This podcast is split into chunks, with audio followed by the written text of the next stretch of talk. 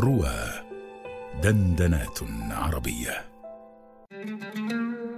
حديث نفس مع الشيخ علاء عبد الحميد. نعم. الحب سكون ووحدة. لا يطيب لقاء بحبيب يحضر فيه غيره. ولا تأنس النفس بالنظر لسواه ولا بالحديث إلا معه.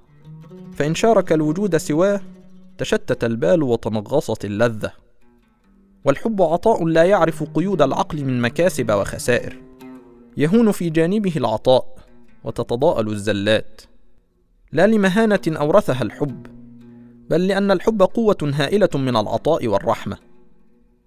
فلا يطيق الإنسان عتابا على صاحبه.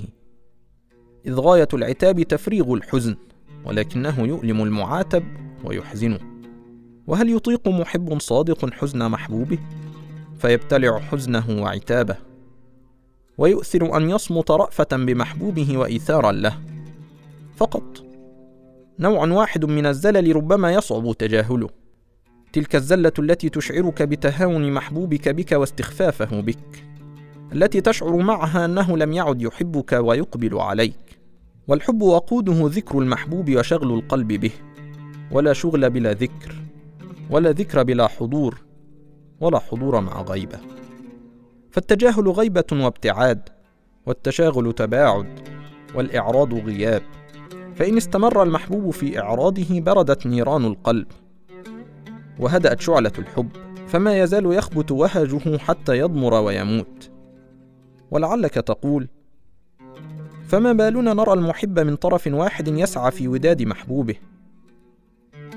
ويطلبه والأخير معرض. فلو كان الأمر كما تقول لانصرف هذا المحب المتروك. فلتعلم أن الأمر كذلك. أعني أنه سينصرف لا محالة وإن اجله إذ لو دام المحب على إعراضه لانصرف بالفعل.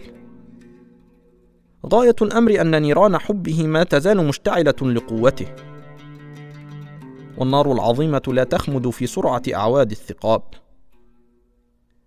ثم قد يقترن بالحب ما يقوي أثره فيتشابه فعلهما رغم تباين حقيقتهما. أعني الشهوة أو العند. فقد تشتد بمحب شهوته حتى تغلب مشاعره. ولكن الشهوة عورة نواريها ونخجل من الحديث عنها.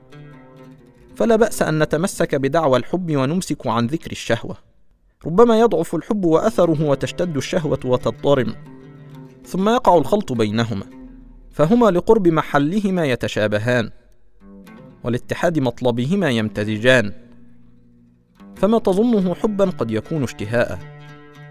أما العند فهو أن يشعر بكرامته قد انتقصت بالرفض. فتحمله العزة على البقاء ويمده العند برغبة تستمر إلى حين. فتظنه حبا وقد خبى الحب في قلبه منذ زمن.